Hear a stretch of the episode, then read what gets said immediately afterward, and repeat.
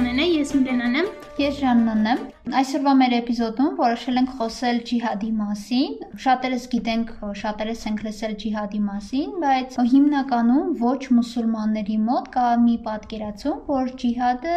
մուսուլմանների մղած սրբազան պատերազմ է ընդդեմ անհավատների, սակայն երևի մասնագետներից բացի շատ քչերը գիտեն, որ ջիհադը իրականում լայն հասկացություն է եւ ռազմական բաղադրիչը ընդամենը դրա մի մասն է։ Այսօր այս թեման ես ու Միլենան մենակ չենք քննարկելու, մենք ունենք հյուր, զրուցելու ենք Արաբագետ Շուշան Գյուրախյանի հետ Ողջույն Շուշան։ Բարև ձեզ։ Կխնդրենք նախ եւ առաջ մեզ բացատրես, հա, ներկայացնես, թե ինչ է ջիհադը եւ ինչ բաղադրիչներ այն իր մեջ պարունակում ռազմականից բացի։ Շատ լավ։ Ջիհադի մասին խոսելիս մենք նախ եւ առաջ պետք է հաշվի առնենք, որ այս հասկացությունը ժամանակի ընթացքում հսկայական իմաստափոխության է ենթարկվել եւ այս տերմինը պետք է դիտարկենք տվյալ ժամանակաշրջանի իրողությունների եւ հանգամանքների համատեքստում։ Ջիհադ տերմինը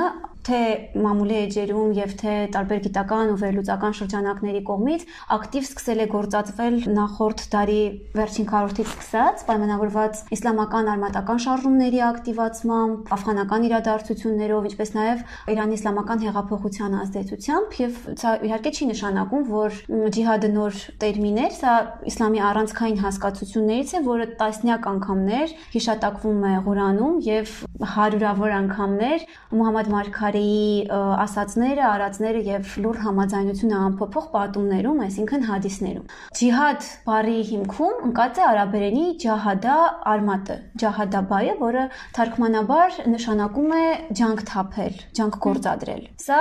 Ալլահի ճանապարհի համար գործադրված ջանքն է, հա, Ալլահի ուղու համար գործադրված ջանքն է, հենց այդպես էլ հանդիպում է ջիհադ ֆիսաբիլիլլահ, որն ուղված է Մուհամմադ Մարգարեին փոխանցված իսլամական արժեհամակարգի պաշտպանությանը եւ այդ արժեհամակարգի տարածմանը։ Ջիհադի մի քանի տեսակներ են առանձնացվում, օրինակ հայտնի է սրտի ջիհադը, որը պայքարն է քո սեփական վատհակումների դեմ, հայտնի է լեզվի ջիհադը, որի միջոցով մուսուլմանը փորձում է խրախուսել թույլատրելի արարքները եւ բախարակել անթույլատրելին։ Կա սրի ջիհադ, որը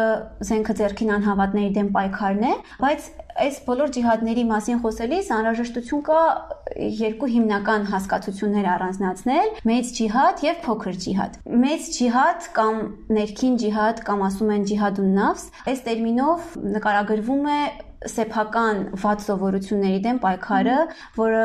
այն ջանքն է, որը պետք է մուսուլմանը գործադրի սատանայի գայթակղություններից ազատվելու համար, հարամ մտքերը ցրելու համար, իր բնազդները ճնշելու համար եւ ճշմարիտ ուղուն հետևելու համար։ Իրականում հենց մեր մոտ հենց մեծ ջիհադ տարածված է որպես ռազմական բաղադրիչ ունեցող են, հենց սրբազան պատերազմ հենց մեծ ջիհադին են ասում։ Օրինակ իմ համար էլ նորություն, որ մեծ ջիհադը ներքին մեծ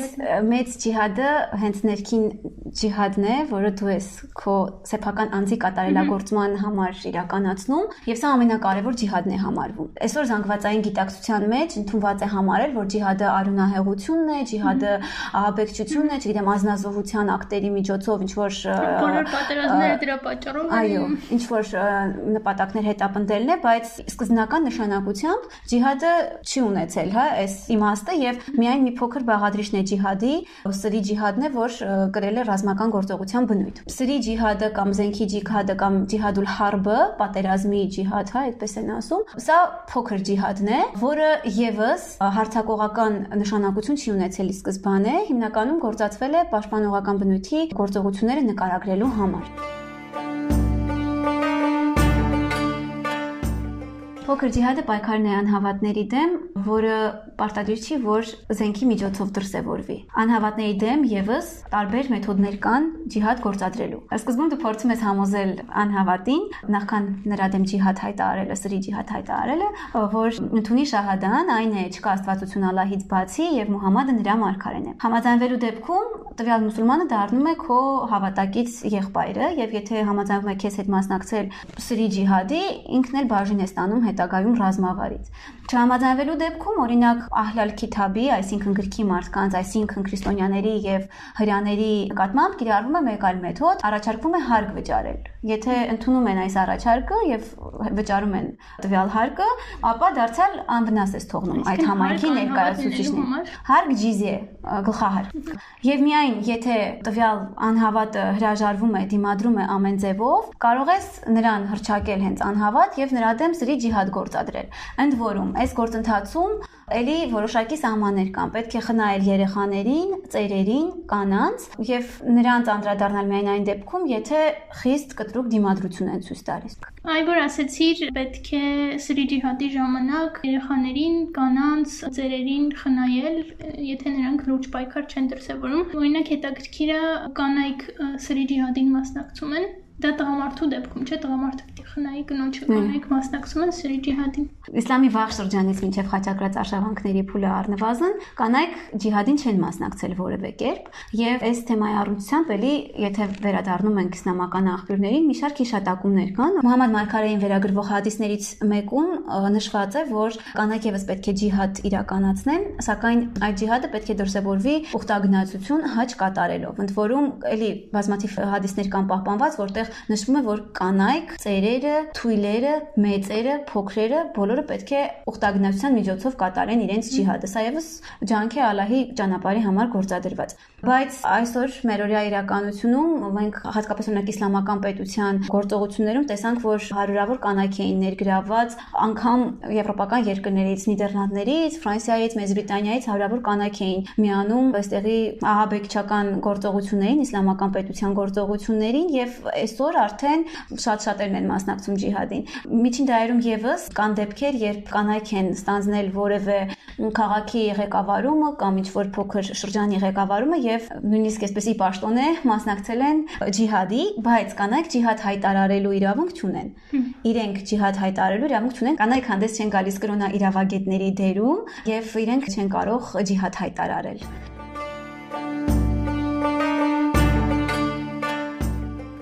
Ջիհադի ինստիտուտը այնպես ինչպես նախկինում գրեթե նույն ձևով գործում է նաև այսօր, այսինքն այն կրոնաիրավագետը, ով տիրապետում է անգիր գիտի Ղուրանը, մի քանի հայտնի թավսիրները գիտի Ղուրանի, այսինքն Ղուրանի մեկնաբանությունները, որովհետև Ղուրանի տեքստը առանց այդ մեկնաբանությունների հնարավոր չէ լինի հասկանալ, եւ մի քանի հազար հադիս անգիր գիտի, այս մարդը իրավունք ունի որոշում կայացնել հայտարարելու ջիհադ կամ ցանկացած մեկ այլ կենցաղային հարցի վերաբերյալ որոշում կայացնել։ Դա նաև ներքին ջիհադ ջիհադին է վերաբերում այդ ջիհադ հայտարարելը, թե միայն սրի ջիհադ։ Դա վերաբերվում է ջիհադի բոլոր տեսակներին։ Եվ առհասարակ, այսինքն կրոնայրավագետները ցանկացած հարցի վերաբերյալ կարող են իրենց որոշումները կայացնել։ Իսկ եթե տեսնենք, որ այսօր աշխարհի պայմանները շատ են փոխվել, հա, միջնադարից կամ իսլամի վաղ դարերից, անընդհատ կարիք է առաջանում ինչ-որ հարցերի միջոցով պարզաբանումներ մտցնել եւ օրինակ մուսուլմանները ամենատարբեր հարցերն են հղում կրոնայրավագետներին, սկսած նրանց կարելի է արդյոք Halloween-ին ինչ որ կոնֆետներ ուտել, թե դա անհավատության դրսևորում կլինի, վերջացած մասնակցել այս գործողությանը թե չմասնակցել, արդյոք դա ջիհադ է թե ոչ։ Կրոնայրավագետները տարբեր ցուցիչների հիման վրա են ջիհադ հայտարարում։ Եթե իրենք տեսնում են, որ աշխարհի ինչ որ անկյունում տեղի ունեցող իրադարձությունը իսլամի դեմ է, ուղղված է Ալլահին չճանաչելուն, իրենք կարող են ջիհադ հայտարարել։ Բայց այստեղ էլ պետք է հաշվի առնենք, որ նմանատիպ կրոնայրավագետների քանակը շատ մեծ է եւ այստեղ հեղինակության խնդիրն է ի հայտ գալիս։ Ֆորմալ առումով այս մարդը բավարարում է ջիհադ հայտարարելու բոլոր չափանիշներին, որոշում կայացնելու բոլոր չափանիշներին, սակայն իր որոշումները գուցե բավարար ազդեցություն չունենան իսլամական համայնքի ներկայացուցիչների վրա եւ որևէ մեկը չհետևի նրա ասածին։ Կախված նրանից թե ինչ կառույց է ջիհադը հայտարարում կամ ցանկացած մեկ այլ բան, իսլամական համայնքը տարբեր կերպ է արձագանքում այս որոշումներին։ Եթե մի քիչ կոպիտ ձևակերպենք, ստացվում է, որ այդ իրավագետները դառնում են գործիչներ, որոնք ինչ որ թվով հետևորդներ ունեն, այսինքն իրենք կարող են ղեկավարել այդ մասաներին, ասել, չգիտեմ, գնացեք սա արեք, որովհետև սա ջիհադ է համարվում։ Անխոս իրենք կարող են կառավարել այդ զանգվածները եւ հենց այդպես էլ անում են։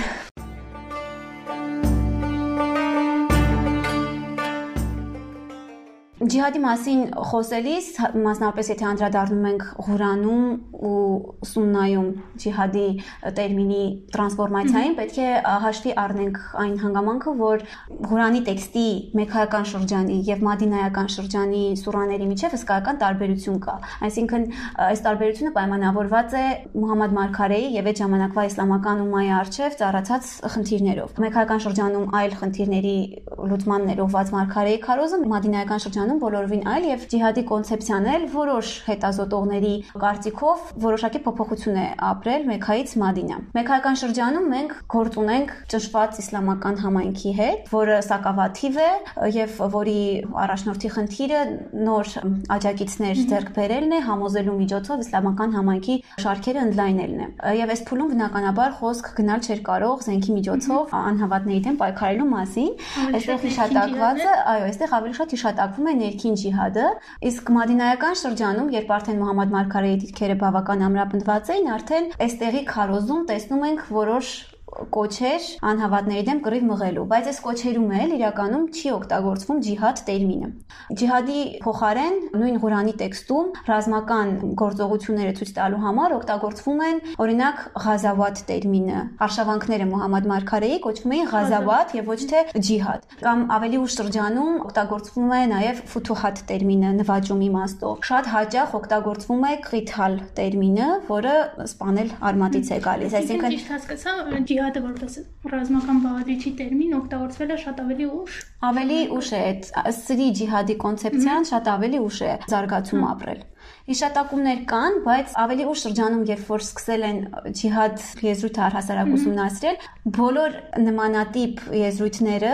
Ղիթալ, Ղազաբատ, Ֆութուհատ ջիհադի անվան տակ են սկսել դիտարկել։ Այսինքն որոշ հետազոտողների աշխատանքներում մենք տեսնում ենք ջիհադի վերաբերյալ ինչ որ Ղուրանի սուրայի մեջ բերում, որտեղ ջիհադ բառը օրինակ չի օգտագործվում, այլ օգտագործվում է qatiluhum fisabilillah, ոչ թե ջիհադ, չասում ջիհադ գործադրեք նրանց նկատմամբ, այլ ասենք ասում է սպանեք նրանց։ Իհարկե այդ դեպքում ինչքանով է ճիշտ դա վերագրել ջիհադին ու ասել, որ դա հենց ջիհադին է վերագրել։ Ջիհադը այդ քո ասած նվաճումների կամ ինչ որ մեկին սպանելու համար ինչ որ նպատակ դրվում էր հետևորդների առաջ, ասենք եթե դուք սպանեք, դուք կասնեք ենթադրենք երկնային կատարելության կամ ինչ որ Մադինայական շրջանի սուրաներում կան որոշակի պարգևներ, որոնք խոստացվում են մուսուլմաններին ջիհադ գործադրելու դեպքում։ Այսինքն շատ բարդ է կամ առհասարակ զենքը ձեռքին անհավատների դեմ պայքար մղելու դեպքում։ Շատ բարդ է պարզապես մարդուն կանգնել ասել վերկաց եւ սպանիր դիմացինին, հետեւաբար պետք է ինչ-որ մի բանով պարգևատրվի տվյալ մուսուլմանը եւ այդպիսի հադիսներ կան պահպանված, որտեղ նշվում է, որ նա ով կտուժի Ալլահի ճանապարհին, կկորցնի ինչ-որ մի բան, կտեղահանվի կամ կյանքը կտա Ալլահի ճանապարհին, նրան սպասվում է դրախտը, հա? Այսինքն շատ-շատ մուսուլման կրոնայրավագետների աշխատություն պատմություններում է ջիհադի վերջում մուսուլմանը այսպես թե այնպես շահած է դուրս գալու կամ հաղթանակ կամ նահատակություն եւ նահատակության միջոցով հայտնվել դրախտում այսինքն ԻՊ ահաբեկիչներ օրինակ երևի հենց այդ գաղափարներով տոգորված են ոչ միայն ԻՊ-ի այսօր իսլամական ծայրահեղականությունը կրող մի շարք խմբավորումներ մեջ բերելով միջնադարան մի շարք հեղինակների աշխատություններից ինչ որ տողեր այդ թվում նաեւ հույս ունենալով որ կարժանանան երկնային աստվածությանը դիմում են նման գործ գործողությունների, այո, մահապարտ ահաբեկիչներ են դառնում։ Այսօր ամենաշատ մեջբերված հեղինակը իսլամական տարաբնույթ ահաբեկչական խմբավորումների կողմից Իբն Թայմիան է։ Շատերը իրենց գործողությունները հիմնավորում են Իբն Թայմիայի մտքերը մեջբերելով, որը 13-րդ դարի համբալիական ուղղության, սուննիական իսլամի ամենապահպանողական ուղղության, ամենապահպանողական դպրոցի ներկայացուցիչ է, եւ օրինակ Ալ-Ყայդայի առաջնորդները եւ պարզապես հետևորդները բարբերաբար իրենց գործողությունները հիմնավորում էին Իբն Թայմիայի մտքերով։ Այստեղ բայց պետք է անպայման հաշվի առնենք, որ իրավիճակը փոխվել է, օրինակ Իբն Թայմիան ապրում էր այն ժամանակահատվածում, երբ իսլամական տարածքների որոշ մասը մոնղոլների կողմից գրավված էր եւ իր արցակած որոշումները իր ջիհադի կոչերը ուղղված էին կոնկրետ մոնղոլների դեմ։ Այսօր հենվել նման հեղինակի մտքերի վրա եւ արդարացնել սեփական ջիհադը այդքան էլ ընդունելի չէ։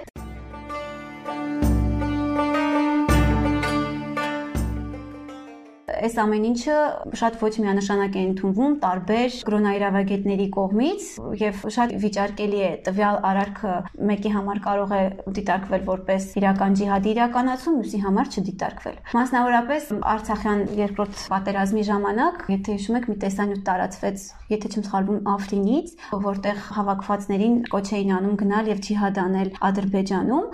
Սա օրինակ ջիհադի կոչ էր ուղված այդ մարդկանց, բայց սրան իհակառակ տարածվեց մեկ այլ կրոնայրավական որոշում, որով Ֆակիհը կրոնայրավագետը կոչ էր անում այդ մարդկանց չգնալ Ադրբեջան, ասելով, որ մնացեք Սիրիայում, ջիհադը Ադրբեջանում չի, այստեղ է Բաշար al-Ասադի դեմ։ Իրական ջիհադը այո, այստեղ է։ Այսինքն, մինչև դատաստանի օրը չգա, մենք չենք իմանա, թե տվյալ մուսուլմանները ի վերջո որտեղ հայտնվեցին։ Այսինքն ընդհանուր շիա սունի ուղղության ու առհասարակ մասաբների մեջ էլ կան ջիհադի մեկնաբանության տարբերություններ, թե Մասաբների միջև ընդունված է համարել, որ առնվազն միջև խաչակրած արշավանքները գրեթե չեն եղել տարբերություններ ջիհադի առնչությամբ, թեպետ հանաֆիական մասհաբը մի փոքր ավելի շատ է տեղ հատկացրել սրի ջիհադին, այնուամենայնիվ ընդունված է համարել, որ այս 4 ուղությունները համակարծիք էին, որ ջիհադը պաշտպանողական բնույթի մարտերն են, սակայն խաչակրած արշավանքներից հետո ջիհադի կոնցեպցիայի մեջ սկսական փոփոխություններ տեղի ունեցան։ Նախ ուզում եմ նշել այն մասին, որ ջիհադը իրականացվում էր իսլամի երկու հասկացությունների՝ Դարալ Իսլամի եւ Դարալ Հարբ, այս երկու հասկացությունների շրջանակում։ Դարալ Իսլամը իսլամի տուն է թարգմանվում բառացիորեն կամ իսլամի աշխարհ, իսլամի տարածք։ Դա այն տարածքն է, որտեղ գործում է շարիաթի օրենքը, կարգը եւ մուսուլմանները կարծում են, որ այդ թվում ջիհադի միջոցով պետք է Դարալ Իսլամի տարածքներ ընդլայնվեն եւ ամբողջ աշխարհը մի օր պետք է դառնա Դարալ Իսլամ։ Իսկ Դարալ Հարբը ներառում է այն տարածքները, որտեղ մուսուլմանները չեն բնակվում եւ շարիաթի կանոնները չեն գործում եւ հենց այս Դարալ Հարբի հաշվին պետք է Դարալ Իսլամի տարածքները ընդլայնվեն։ Մուհամմադ Մարգարեի մահվանից հետո իսլամական ումմայում առաջացած տրոհումների, ճյուղավորումների արդյունքում ջիհադի գաղափարախոսությունը եւս որոշակի փոփոխություններ կրեց եւ մի շարք աշխատություններ գրվեցին այս թեմայի շուրջ, որտեղ ավելի մեծ ուշադրության էր արժանանում հենց սրի ջիհադը։ Սա էլի բնական էր, պայմանավորված այն հանգամանքով, որ Մարգարեի մահից հետո մի շարք ցեղեր դադարեցին իսլամադավան լինել եւ վերադարձան իրենց նախկին հավատին, սկսեցին որոշակի ապստամբություններ լինել իշխող ուժերի նկատմամբ եւ այս ամենը ճշելու շրջանակում զինված պայքարը դարձյալ ակտուալացավ։ Եվ պայքար էր գնում թե ներքին ճակատում, ներքին խժդժությունները ճնշելու համար եւ թե արտաքին ճակատում, երբ տեսնում ենք, որ իսլամական առաջին նվաճումներն են տեղի ունենում դեպի հարևան երկրներ։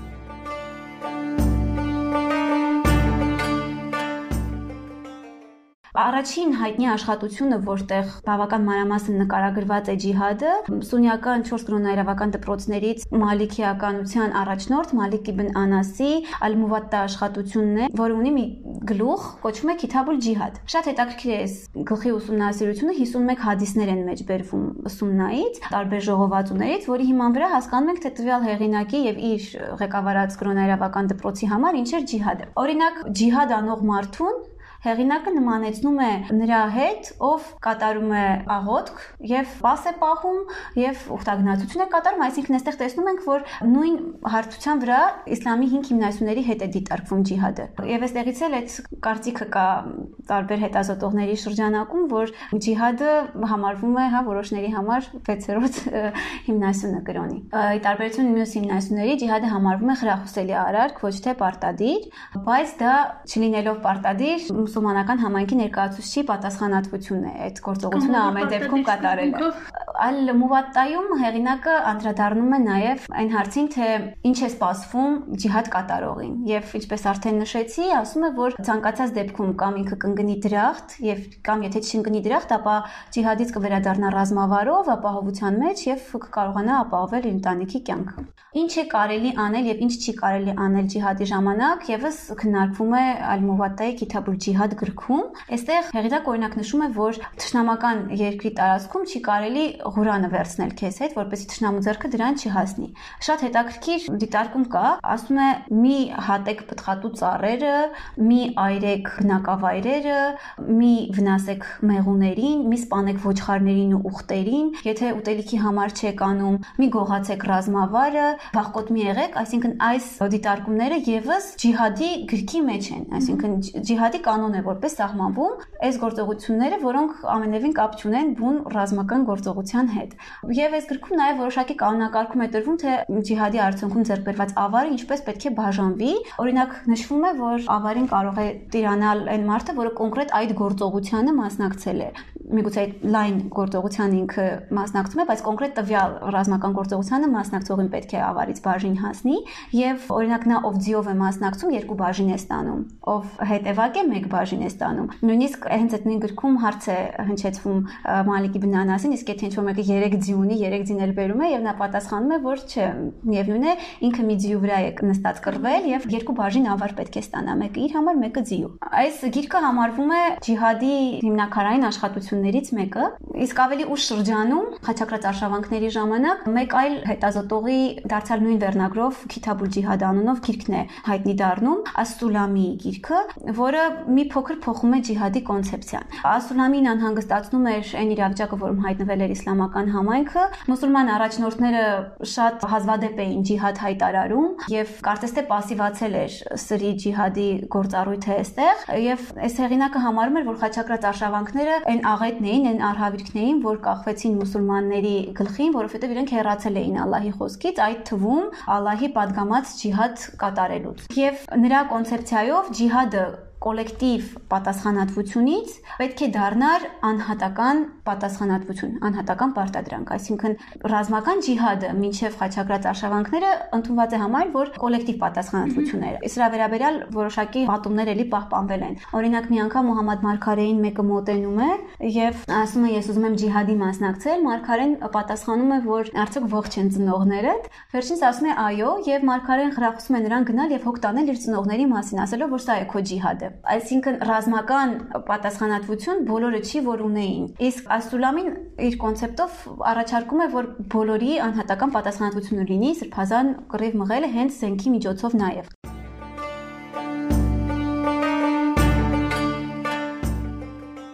Շնորհակալություն Շուշան, շատ հետաքրքիր էր։ Թեման բավականին ծավալուն է եւ անընդհատ խոսելու տեղ կա, բայց երևի թե սահմանափակվենք այսքանով։ Շնորհակալություն Շուշան, շատ հետաքրքիր էր։ Ձեզ նույնպես շնորհակալություն։